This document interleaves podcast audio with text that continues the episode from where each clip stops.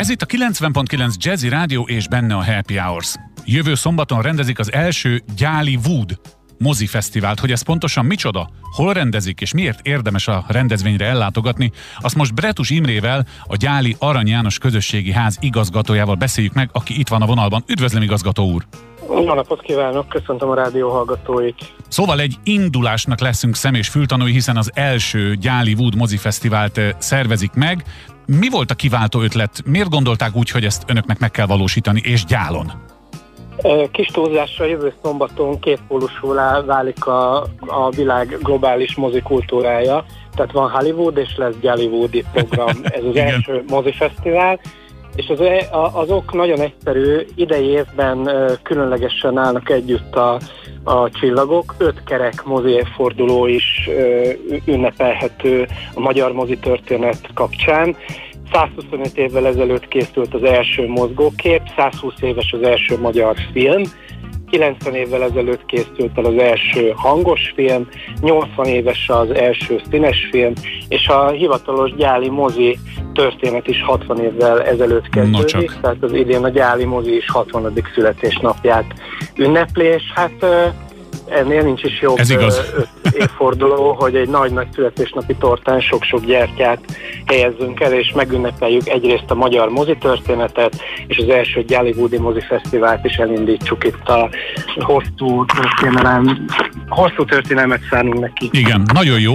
Örülünk, hogy beszámolhatunk róla, de valószínű, hogy a kedves hallgatóink akkor közül szerintem sokan most még csak autóban hallgatnak minket, és haladnak A pontból B pontba. Azért kíváncsiak arra, hogy mi mindenre számíthat, aki ellátogat önökhöz. A program az 18 órakor kezdődik 17 órakor egy klasszikus vörösszőnyeges bevonulással, tehát lesz itt mindenféle mozis meglepetés, de mindenképpen egy vörösszőnyegen jön be a közönség. Mm. Számtalan mozi történeti és mozi technikai kiállítást nyitunk, nagyon sok kedves eszközt meg lehet itt nézni, ha valaki korábban, a korábbi évtizedekben járt moziba, a mozi relikviák, mozis relikviák, feliratok, még a Puski mozi két korabeli moziszéke is ki lesz itt nálunk állítva, régi kamerák, régi technikai eszközök, de olyan meglepetéseink is lesznek, hogy Green, Greenbox fotózás keretében uh-huh. Mozi történeti helyzetekbe lehet beleállni, és akkor ezt a Facebookon, meg a saját családi albumokba be lehet illeszteni. Lesz természetesen szülinapi torta, hiszen az öt kerek évforduló megérdemel egy születésnapi tortát, és ezen a napon felavatjuk a gyáli kertmozit is. A 60 éves születésnap ad okot arra, hogy kertmozit avassunk, és a kertmozi avatásnak különleges vendégei lesznek. Serer Péter színművész látogat el hozzánk, Hegedűs Bálint a Kincsen film forgatókönyvírója, és azért ők, mert ők mindketten szerepeltek a Kincsen filmben. Aha, aha. Az első kertmozi vetítésünk a Kincsen film lesz értelemszerűen. Nyilván. És előtte még egy érdekes beszélgetésre fog sor kerülni Bényei Tünde, aki egy textilművész és textil öregítéssel foglalkozik, ő bevezeti a nézőket abba a tudományba, hogy a filmipar, illetve a színházi közegek hogyan öregítenek filmjelmezeket és színházi hm. jelmezeket. Ki lesznek állítva például olyan jelmezek, amik a Saul fiában láthatók voltak a színészeken, ezeket a Bényei Tünde öregítette hozzá Nagyon a korszakhoz.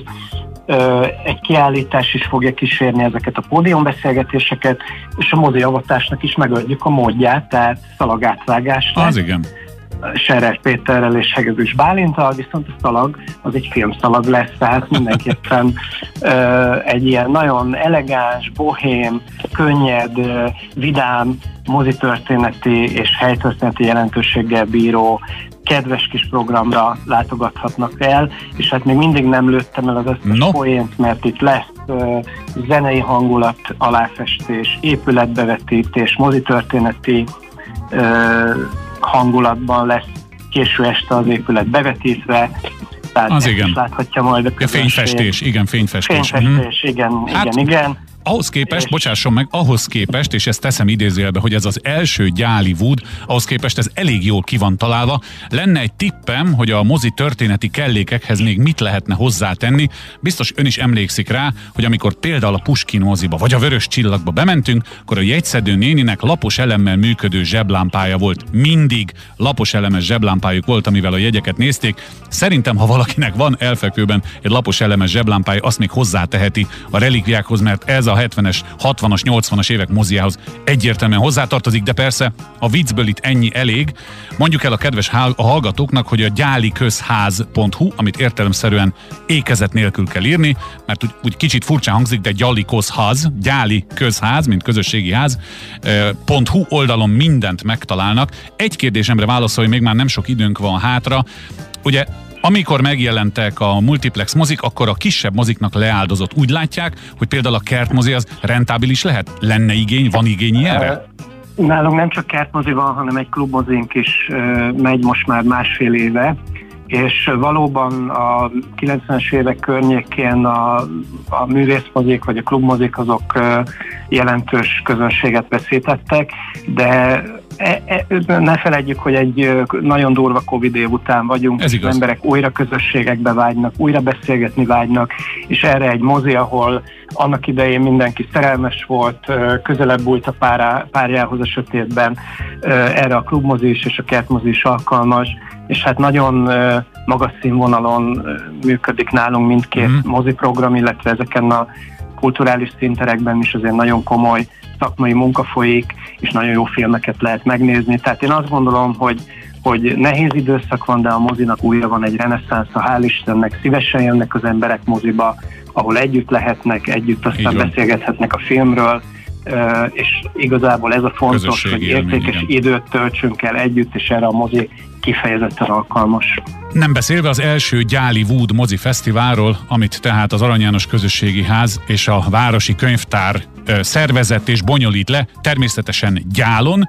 Szerintem, ha ezt beírják a keresőbe, akkor már is megtalálják, de a gyáliközház.hu oldalon mindenképpen van információ, és ez nem most szombaton lesz, hanem jövő szombaton, tehát 17-én, ugye, ha jól mondom? Igen. Így van, 17-én és hogy orientáljuk a közönséget, kettő méterre van gyál Budapesttől. Világos, igen, abszolút. Kettő méter választja el Semmi. a két várost egymástól. Köszönöm szépen, Ber, eh, Bretus Imrével, a Gyáli Arany János Közösségi Ház igazgatójával beszéltünk erről a nagyszerű rendezvényről. Sok sikert kívánok hozzá, viszont hallásra!